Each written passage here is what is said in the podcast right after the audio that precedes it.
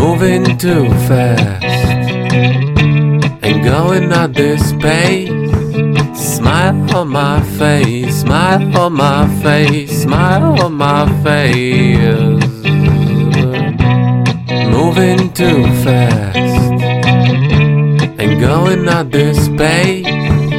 Smile on my face, smile on my face, smile on my face.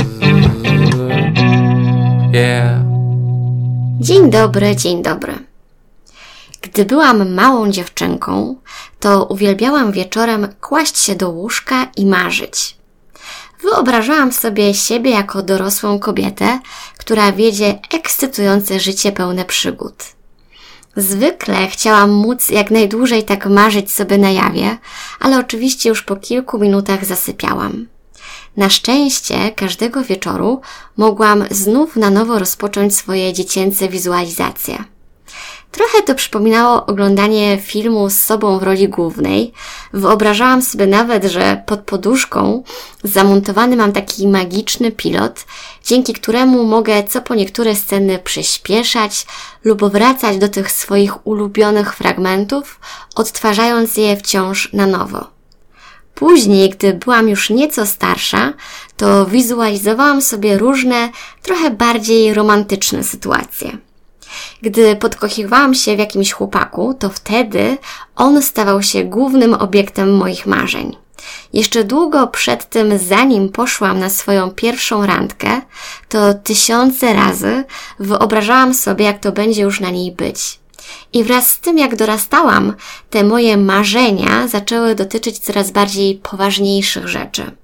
Wyobrażałam sobie siebie jako przebojową kobietę, która spełnia się zawodowo i oczyma wyobraźni widziałam siebie też w roli żony i matki. A gdy weszłam w dorosłość, to z biegiem czasu, kładąc się do łóżka zamiast marzyć, sporządzałam w myślach listę rzeczy do zrobienia na następny dzień. Lub odtwarzałam w głowie różne mniej przyjemne sytuacje, które miały miejsce bieżącego dnia i próbowałam wymyślać do nich jakieś alternatywne zakończenia, w których toraczyłam kogoś jakąś ciętą i niezwykle inteligentną ripostą.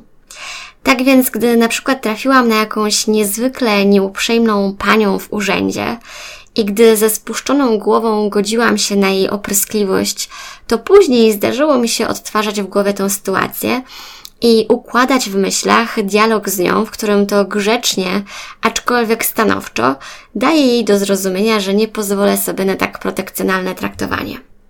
Ale wraz z upływem czasu mój piękny wieczorny rytuał kompletnie zniknął. I gdyby ktoś spytał mnie, jakie są moje marzenia, to chyba nie do końca potrafiłabym na to pytanie odpowiedzieć. Ponieważ codzienność, obowiązki różne stresy pochłaniają mój umysł bez reszty i bardzo mało jest w nim obecnie przestrzeni na marzenia. Tak więc właśnie taka proza życia mnie dopadła. Miałam nadzieję, że listopad i grudzień okażą się miesiącami, w których będę mogła zwolnić tempo, spędzić więcej czasu z rodziną i cieszyć się tym, co mam. Jednak wir pracy kompletnie mnie pochłonął w tym miesiącu i zapowiada się, że grudzień też będzie dosyć zajęty. A ja czuję coraz silniejszą potrzebę, aby trochę zakorzenić się w moim własnym, intymnym świecie. Wyciszyć się i wsłuchać się w siebie. Wydaje mi się, że w stu procentach zrealizowałam już swój plan na ten rok i chciałabym teraz choć na chwilę zwolnić, aby móc rozejrzeć się uważnie wokół siebie i obrać jakiś dalszy kierunek rozwoju. Chyba powoli zaczyna już we mnie kiełkować kolejne marzenie, choć przyznam, że trochę nie lubię używać słowo marzenie, bo w moim przypadku to są raczej takie pragnienia, które przy dobrej nawigacji, samozaparciu i ciężkiej pracy mają dużą szansę, aby się zrealizować. Marzenia to jak dla mnie pojęcie, które raczej dotyczy rzeczy, które mają takie nikłe szanse, aby się urzeczywistnić. Żyjąc jedynie z dnia na dzień, bez żadnych pragnień, o których już sama myśl lekko przyspiesza bicie naszych serc, jest dosyć smutne. To tak jakby człowiek żył tylko po to, aby dobrze spełniać jakieś narzucone społeczne normy i oczekiwania innych wobec nas. A życie to coś więcej. Fajnie jest budzić się codziennie rano z dreszczykiem ekscytacji i motywacją do tego, aby zrobić choćby najmniejszy krok ku spełnieniu naszych pragnień. Jednak, aby dowiedzieć się o tym, czego tak naprawdę chcemy, potrzebne jest wyciszenie i zatrzymanie się. Ja lubię wracać myślami do czasów swojego dzieciństwa, do tego, co sprawiało mi wtedy radość. To zwykle jest najlepszy sposób, aby dokopać się do swoich prawdziwych pragnień, tych, które odkryliśmy w sobie już jako dzieci, ale później wraz z upływem czasu zapomnieliśmy o nich. Być może nawet kiedyś opowiedzieliśmy o nich jakimś dorosłym i nie zostaliśmy potraktowani poważnie, dlatego odłożyliśmy je gdzieś na dno naszych serc, bo zostały wyśmiane przez innych. Ale teraz jesteśmy dorośli, mamy luksus decydowania o sobie i możemy stanąć w obronie naszych dziecięcych marzeń. Czasami warto jest choćby przypomnieć sobie, jakie one były i wcale nie trzeba ich spełniać.